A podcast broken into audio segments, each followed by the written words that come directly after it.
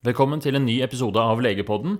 Dagens episode er spilt inn av Lisa Jacobsen, som er medisinstudent ved Universitetet i Tromsø. Hun intervjuer Rolf Ole Linsetmo, som er professor på Universitetet i Tromsø, og som snakker om kunstig intelligens i medisinen. God lytting. Du hører på Medisinstudent Snap. Legepodden er tilbake fra Tromsø, og jeg som heter Lisa, har igjen funnet meg en spennende person å lage podkast med, og det er deg, Rolf Ole Linseth Moe. Du er mm, professor og klinikksjef eh, på mm, kirurgi, kreft- og kvinnehelseklinikken på UNN her i Tromsø. Velkommen. Takk. Har du vært med på podkast før? Nei. Nei. Ikke sånn annet enn at jeg nei, ikke vært med på. Jeg har hørt på Ja. en hel del, men ikke aktivt tatt del i. Ja, men det er spennende. Første spørsmål er hvorfor du begynte å studere medisin. Ja, da må vi nok noen år tilbake i tid. Eh, eh, Etter videregående som jeg tok eh, Eller gikk da på Asker videregående gymnas, så jobba jeg på Dikemark. Jeg visste ikke helt hva jeg skulle ta av utdanning, så jeg skulle ha et arbeidsår. Eh, Men var nok eh, sånn retning eh, av psykologi eller sosialarbeider. Jeg var veldig opptatt av sosial rettferdighet. Men under det året på Dikemark så kom jeg borti Jeg fikk ble kjent med en psykiater. Og jeg husker ennå et sånt morgenmøte hvor han informerte og underviste om, eh, om psykose, så tenkte jeg sjøl Det han kan, det skal jeg lære meg. Ja.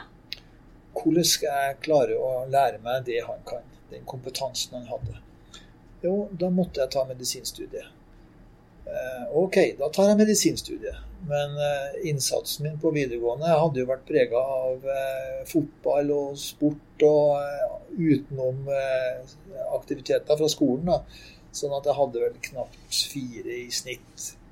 Så tok jeg opp artium, og, og kom da etter hvert inn på medisinstudiet Mm. Hvor du har studert den? i Tromsø. Yeah. Det var jo også helt bevisst. Mm. Eh, eh, Det her, jeg var ferdig med videregående gymnaset i 78, så lenge siden. Eh, Da var jo enda Tromsø og universitetet her betegna som det røde universitet. Og helt klart, hit skulle jeg. Spennende. Eh, For å lære meg å bli medisiner og bli psykiater Mm. som helt klart skulle revolusjonere norsk psykiatri. Ja. Spennende.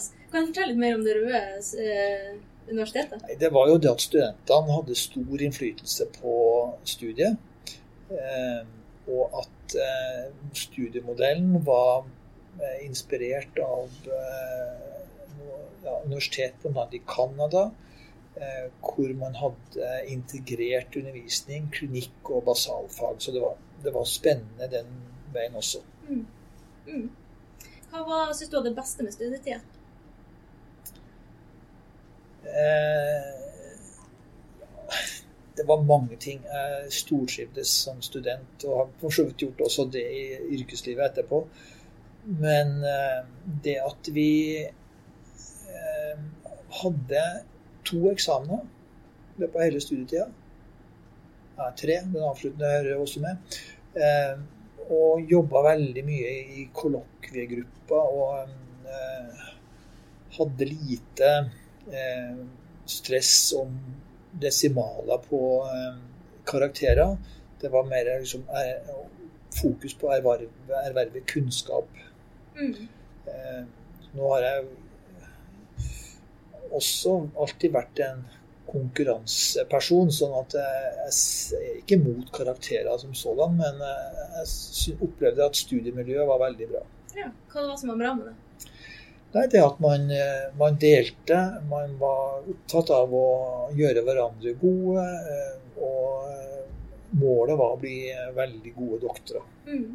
Det var liksom Vi skulle komme ut og, var stolte av å være Tromsø-studenter som hadde et stempel på oss som å være eh, gode kandidater. Altså, vi, vi kunne mer av praktisk medisin Mm. enn eh, det andre altså studenter fra andre studiesteder kunne, som var veldig og veldig mye mer undervisning om basal eh, eh, fag og fysiologi og andre kjemi og så diverse som kanskje ikke gjorde dem til så gode doktorer. Mm. Men etter hvert så blir jo de her blir de forskjellene utviska. Mm. Du snakka jo litt om interessen din eh, som starta innenfor psykiatrien. Hvordan endte det med gastrokirurgi til, eh, til eh, Jeg vet ikke om jeg skal si til slutt, men eh, etter hvert. Ja, jeg fulgte jo planen med å, eh, med å fra tidlig første året eh, jobbe sammen med en av de eh, si, kjente psykiaterne eh, også utafor Norge, Tom Andersen. Han er dessverre død nå, men eh, han drev med eh, sosialpsykiatri. Så eh, jeg hang meg på med han og lærte mye. Eh, men opplevde samtidig det å jobbe i psykiatrien i helgen og sommer og eh, når man hadde anledning, at det var en underkjennelse av kompetanse. Det var, jeg opplevde en håndsopprekning, nærmest sånn demokratisk eh, avart av eh, ja, psykiatrien som jeg, jeg stilte spørsmålstegn med. Eh, og han, eh, eller jeg forsto det ikke. Eh, Så jeg var litt frustrert over hvordan eh, jeg så at eh, kompetansen da ikke ble verds, verdsatt. Eh, Var hjelpepleierne i flertall, så bestemte de eh, behandlinga den dagen. Mm. Eh, Jeg så jo ikke alt som foregikk gikk utenom. Men eh, eh, da jeg kom på tredjeåret, så gikk jeg forbi operasjonsstua på det gamle eh, sykehuset i Tromsø og ble henta inn til å assistere under en operasjon. Mm. Da så jeg lyset på Ja. nytt. da åpenbarte det seg en ny interesse. Da skulle jeg bli kirurg. Ja. Eh, og det gikk ikke lang tid før jeg fant ut at det var gastrokirurg jeg skulle bli. Og sykt nok høres det kanskje ut. Jeg bestemte meg også for å bli sjef med tida på gastrokirurgisk avdeling i Tromsø. eh, Og professor i gastrokirurgi, som det også heter. Og sånn ble det. Mm. Spennende. Men hva er det som har fått en gastrokirurg og klinikksjef til å bli interessert i eh, kunstig intelligens? Mer eller mindre tilfeldig, kanskje. Det, eh, men da må vi tilbake igjen i i 2007, 2008, 2009. Hvor eh, jeg fikk mer og mer ansvar innenfor gastrokirurgisk avdeling som overlege der. Eh, Og jeg var opptatt av eh, å ta de rette beslutningene, og da må du ha tilgang på all eh, nødvendig informasjon. Eh, vi hadde begynt med tverrfaglige møter, og når man da skal sitte og veie opplysninger eh, for eller imot eh, en, en behandling, f.eks., eh, og det er mer enn fem-seks eh, eh, vurderinger man må gjøre samtidig, for og mot, så eh, går eh, min og tror de fleste menneskers hjerne en begrensning eh, i den kognitive evnen og mulig kapasiteten. Og spørsmålet var hvordan komme forbi det når man har store datamengder, mye informasjon man skal vekte, eh, inkludert pasientens preferanser. Eh, og da eh, hadde jeg nå lest om at det maskinlæring eh, kunne håndtere det på en bedre måte og fungere som en slags beslutningsstøtte. Selv om det, det, det da ikke fantes noen eksempler, men det var liksom teoretisk betraktninger. Og så hadde vi et kvalitetsforbedringsprosjekt i gastrokirurgisk avdeling hvor vi eh, skulle se på hvordan vi kunne forebygge eh, komplikasjoner til kirurgi. Og da var det vi kom i kontakt med maskinlæringsgruppa eh, for at de skulle hjelpe oss med å hente ut informasjon fra DIPS, sånn at vi slapp å lese og lete i på si, timevis i hundrevis av dokumenter. Datamaskinene ønska vi kunne hjelpe oss med å ekstrahere ønska informasjon. Så det vi spurte, var interessert i. Mm. Og etter hvert så fikk vi det til det. Mm. Eh, ved hjelp av eh, natural language processing, som det heter, så kunne de eh, finne de pasientene eh, som var utsatt for å få sårinfeksjon, ansomoslekkasje, postoperativ delirium, mm. med høy presisjon. Mm. Bare ved å se på preoperative data. Mm.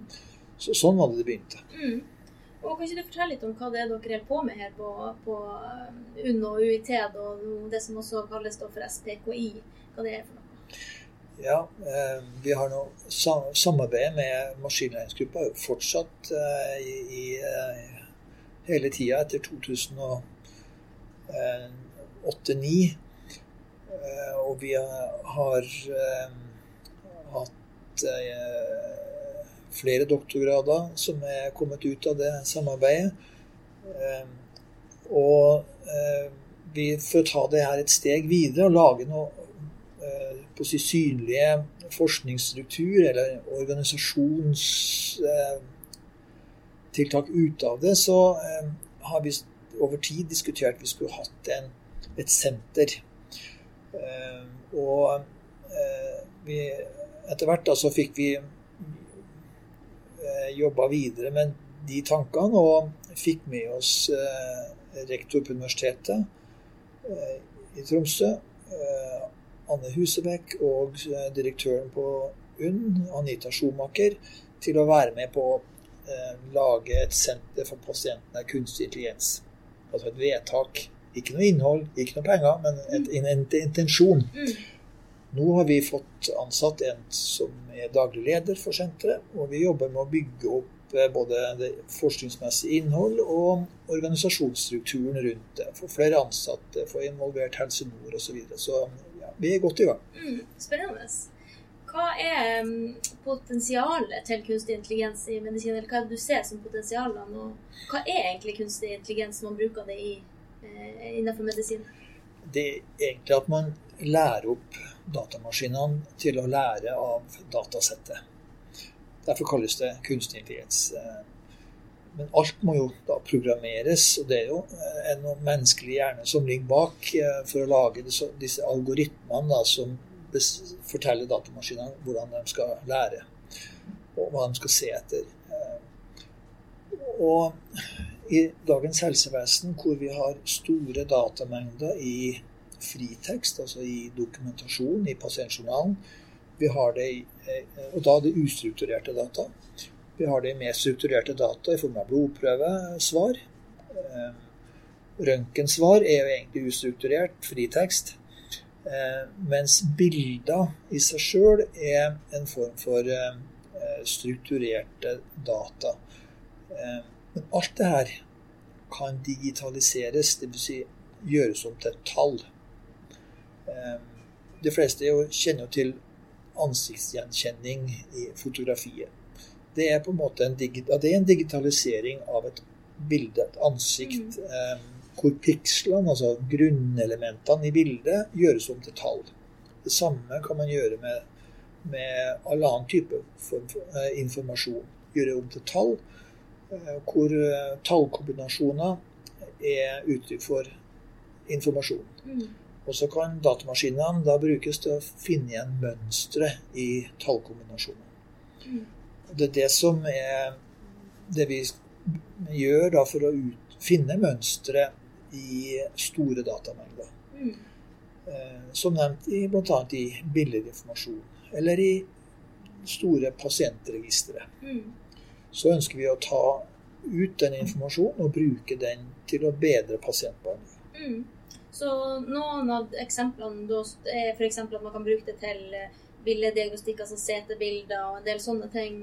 Hva er det man kan finne på, på de? Eller hva er det man kan få de kunstig intelligensen til å finne? Ja, det ene er jo eh, at man kan få dem til å gjøre det den menneskelige hjerne da gjør, som røntgenlegene gjør. Eh, skille normalt fra ikke-normalt. Det er jo et, eh, å gjenkjenne det mønsteret som Eh, da det menneskelige hjerne gjør, skal, kan maskinene gjøre vel så godt.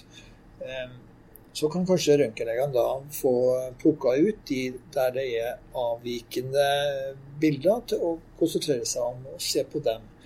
Et eksempel, da. men man kan også lære maskinene til å komme med forslag til diagnoser ut ifra det mønsteret man ser i f.eks. CT-bilder. Mm. Eh, har du noen eh, tanker om utfordringer rundt eh, kunstig, bruk av kunstig intelligens? Det er mange. Mm. Det, det eh, ene er jo det juridiske. Eh, hva hvis datamaskinen kommer med et feil forslag? Eh, kvaliteten på det som datamaskinene eh, anbefaler, er jo helt avhengig av hva slags algoritme som ligger bak. Hva slags data er maskinene trent på? Er det representativt for den populasjonen pasienten kommer fra? Amerikanske data eller algoritmer er trent på amerikansk populasjon. Er, det korrekt for en, en, en norsk pasient?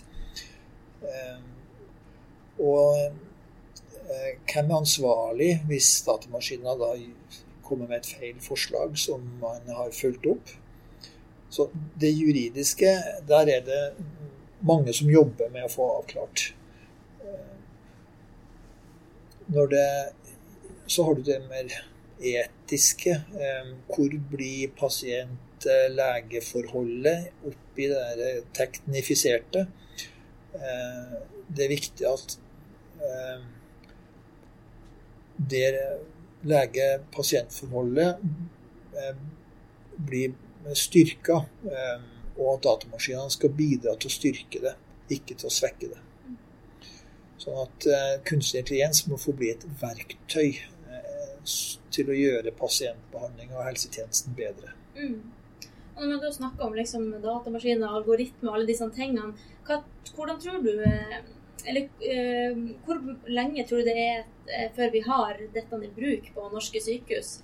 Per nå er det vel på forskningsstadiet, i, i hvert fall i Norge. og i, Jeg vet ikke hvordan det er i Europa, men i hvert fall i Norge er det vel ingen som er i gang i klinisk bruk i dag? Nei, men det er rett rundt hjørnet. Ja. Eh, innenfor røntgendiagnostikk, som vi var inne på, eh, der er det laga algoritmer som er eh, måte blitt det vi kaller hyllevare. Det kan kjøpes. Mm. Og det pågår Det er laga planer for hvordan det skal testes ut under kontrollerte forhold på norske sykehus. Mm. Det gjelder bl.a. bryst kreftundersøkelser, eller undersøkelser av bryst da, for å finne kreft. Mm. Og også på enkelte CT-undersøkelser hvor man har muligheter til å teste det ut, og så har ferdige algoritmer. Mm. Men før det kommer over i den kliniske hverdagen, at det brukes rundt omkring som et vanlig arbeidsverktøy, er det nok ennå noen år. Mm. Så det er ikke så lenge til det blir altså, tatt ut i, i, kliniske studier? Er det sånn å forstå? Ja. ja. Mm. Hva, hvor, eller hvordan gjør man det da med de problemstillingene som du snakka om i stad, med tanke på hvor algoritmene altså hva slags datasett de er lagd ut ifra i forhold til om de er amerikanske brukt på, ut fra data, data om amerikanske pasienter, f.eks. Hva slags vurderinger gjør man der, vet du det?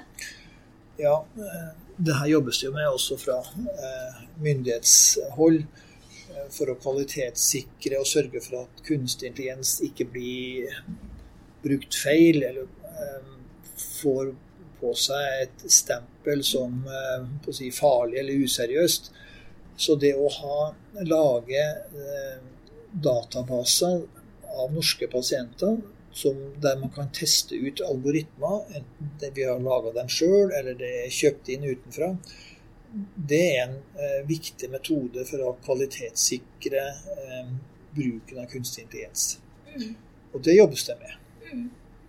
Hvor, har du noen tanker om uh, hvordan helsevesenet i dag er rigga for bruk av kunstig intelligens? Eh, med tanke på uh, at jo en del strukturer på sykehuset ikke er helt på samme nivå. Noen bruker fortsatt faks, en del papirskjema og liksom sånne ting i forhold til den hele digitaliseringa. Ja, det, det, er ikke sånn at helsevesenet og alle deler av helsevesenet går i, i lik takt i utviklinga. Eh, noen går foran, og andre har mer enn nok med å henge på. og sånn vil det nok fortsatt være. Men helsevesenet som greier å ta i bruk kunstig intelligens tidlig, vil få en stor fordel. Mm. Presisjon i diagnostikk blir sannsynligvis bedre. Det blir mer uavhengig av si, doktorens dagsform. Og så gjelder det å, å, ta det her i bruk på en sånn måte at man tar styringa og ikke blir et offer for teknologien. Vi må nok regne med at arbeidsoppgavene for en del av legespesialitetene eh, eh, blir vesentlig endra. Mm. Vi har nevnt røntgenleger, men eh, patologene kommer til å få en helt annen måte å jobbe på når kunstig intelligens kommer inn og hjelper til med, med diagnostikk på, på patologibilder. Og Der har det jo vært også debatt om dette med kommer legene til å bli utkonkurrert, og har vi et yrke i framtida? Eh, hva du tenker om det? Nei, Jeg tror det, det er nok en, en, overdrivelse. Jeg er helt sikker på at uh, kunstig intelligens uh, vil bli brukt til å videreutvikle og kvalitetssikre helsetjenesten. Vi vil vi gjøre det mye Vi vil få oftere rett. Vi vil redusere de eh, hendelsene der vi kunne ha eh, gjort bedre beslutninger, bedre vurderinger, hvis vi hadde hatt datamaskinene til hjelp. Mm. Så det, Helsevesenet vil nok heller bli sånn at eh, de som lærer seg å ta det i bruk, altså kunstig intelligens i bruk, de vil ha et fortrinn fremfor dem som er konservative og tror at eh, de kan fortsette med den gammeldagse måten å stille diagnoser på. Mm. Um, og litt i oppfølging til det, da, hva eh, tenker du at det er viktig at medisinstudenter i dag lærer seg noe om kunstig intelligens? Og eventuelt eh, hva burde man eh, lære seg? Det, um, ja, det er viktig at medisinstudenter forstår eh, hvordan teknologien kan tas i bruk til nytte for pasientene. og potensialet som ligger i det. vi ser jo at vi har snart sjølgående biler. Bare styrt av eh, sensorer. Eh, tilsvarende vil komme også inn i helsevesenet, hvor eh, kunstig intelligens vil hjelpe oss med å utvikle nye metoder for å stille diagnoser. Og ikke minst så vil pasientene og pasientorganisasjoner etterspørre det. Politikere vil etterspørre det. Eh, og da er det en fordel at, at utdanningene har tatt inn over seg den utviklinga som skjer, og nå går det ganske fort. Og eh, sørge for at medisinstudentene, de kommende legene, er forberedt på den, eh, det yrkeslivet som venter dem. Mm. Tenker du at det er sånn i dag? det er vel ikke sånn at medisinstudiet kan rope på seg å være de mest eh, foroverlente og eh, kjappe til å ta inn i seg eh, ut, altså fronten i verken forskning eller fagutvikling. Men på et eller annet sted vil det nok komme inn. Mm.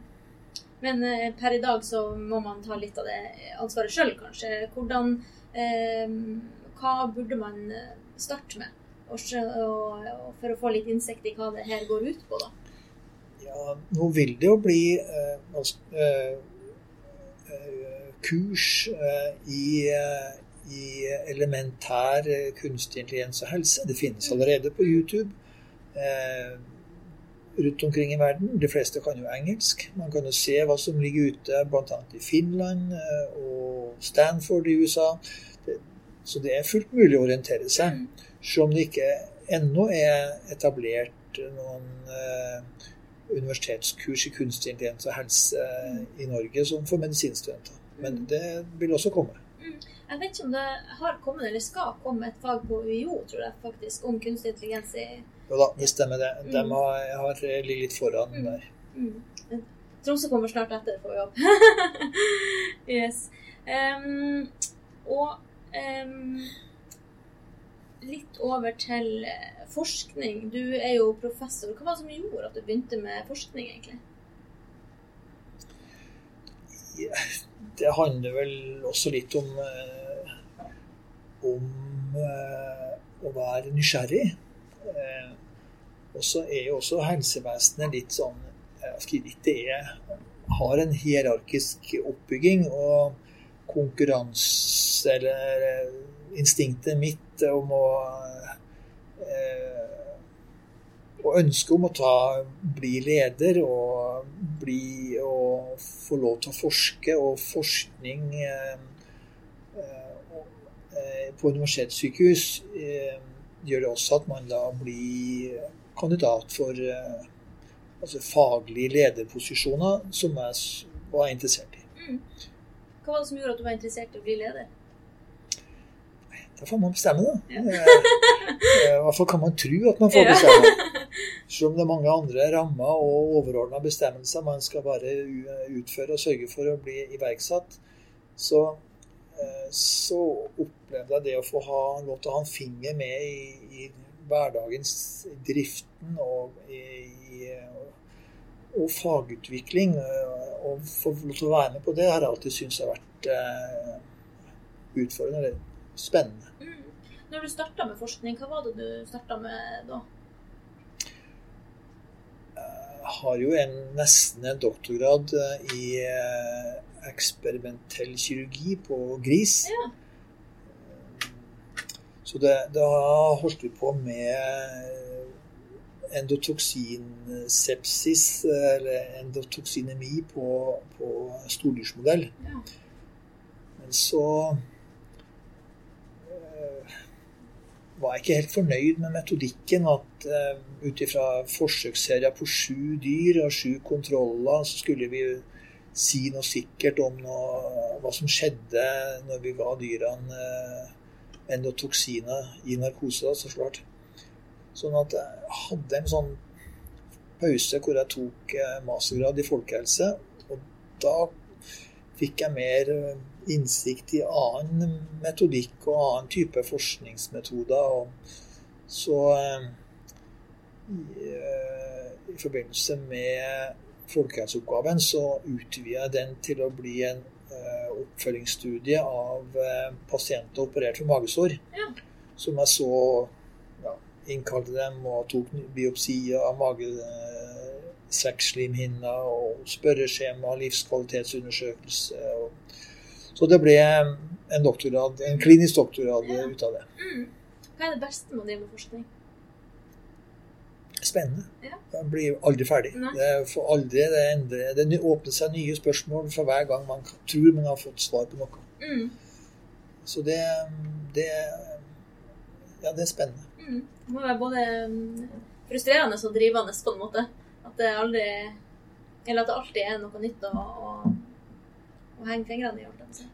Ja, det, det, er utvikling, det. Mm. det. Man blir aldri ferdig. Mm. Hva, er, mm, hva, er, hva er det beste med gastrokirurgi, da? Hva var det som gjorde, når du kom inn på den operasjonen eh, på etter tredjeåret, hva var det som gjorde at du tenkte at shit, det her er er det jeg skal holde på med. Det var egentlig et karkirurgisk inngrep. Ja. men, men, eh, det var en, quick fixen. Altså du, du, så et problem. Eh, pasienten hadde en lidelse, og du gikk inn. Eh, Endra på noe, fjerna noe, sydde sammen, og pasienten var på en måte frisk eller helbreda for sin lidelse. På det nærheten mellom, mellom, det man gjør og resultatet, det syns jeg var spennende. Mm. Eh, og, jeg, og gastrokirurgi hadde også et mer annet element av seg. Det var ikke bare å skjære og reparere og på et samlebånd. Du måtte også tenke deg om. Mm. Eh, diagnosene var ikke eh, ferdige når pasienten eh, kom inn døra. Det var en, en utredning, og det var eh, litt mer medisinsk tankegang i det. Mm. Ikke bare eh, den eh, klassiske eh, fiks-problemet. Man Mm. måtte tenke om. Mm. Mm. Hva er det mest utfordrende med gastrokirurgi, da? Ja, Det var ikke et enkelt spørsmål, men kanskje å finne ut når du ikke skal operere. Ja, ok. Eh, hvem som helst kan egentlig lære seg å operere. Mm. Men det å se helheten i eh, pasientene og hvem som har nytte av kirurgi versus ikke det kirurgi, det er ikke like lett bestandig. Mm. Vi er opplært til å tro at eh, kniven løser problemet, men eh, svært ofte så gjør det problemene verre. Mm. Og det eh, å ha, samtidig ha den ydmykheten til faget og pasienten om at at man måtte ha lov til å påføre folk lidelse eh, for å gjøre dem bra til slutt. Da skal man tenke seg om. Mm. Ja, det er et godt poeng. Mm. Og så litt avsluttende Eller et avsluttende spørsmål. Har du noen spesielle inspirasjonskilder? Sånn på generell basis. Jeg blir inspirert av eh, å ha spennende arbeidsoppgaver, men inspirasjonskilder, det må være eh, å være i nordnorsk natur. Ja. Det gir meg stor glede. Mm. Mm. Det er bra. Da tror jeg jeg har fått spurt om det jeg lurte på, egentlig. Så da vil jeg bare si tusen takk. Ja, takk skal du ha. Takk for nå. Vi er Medisinstudentsnap. Følg oss på Instagram. Der har vi quiz hver dag og mye annen medisinsk moro. Ha det bra!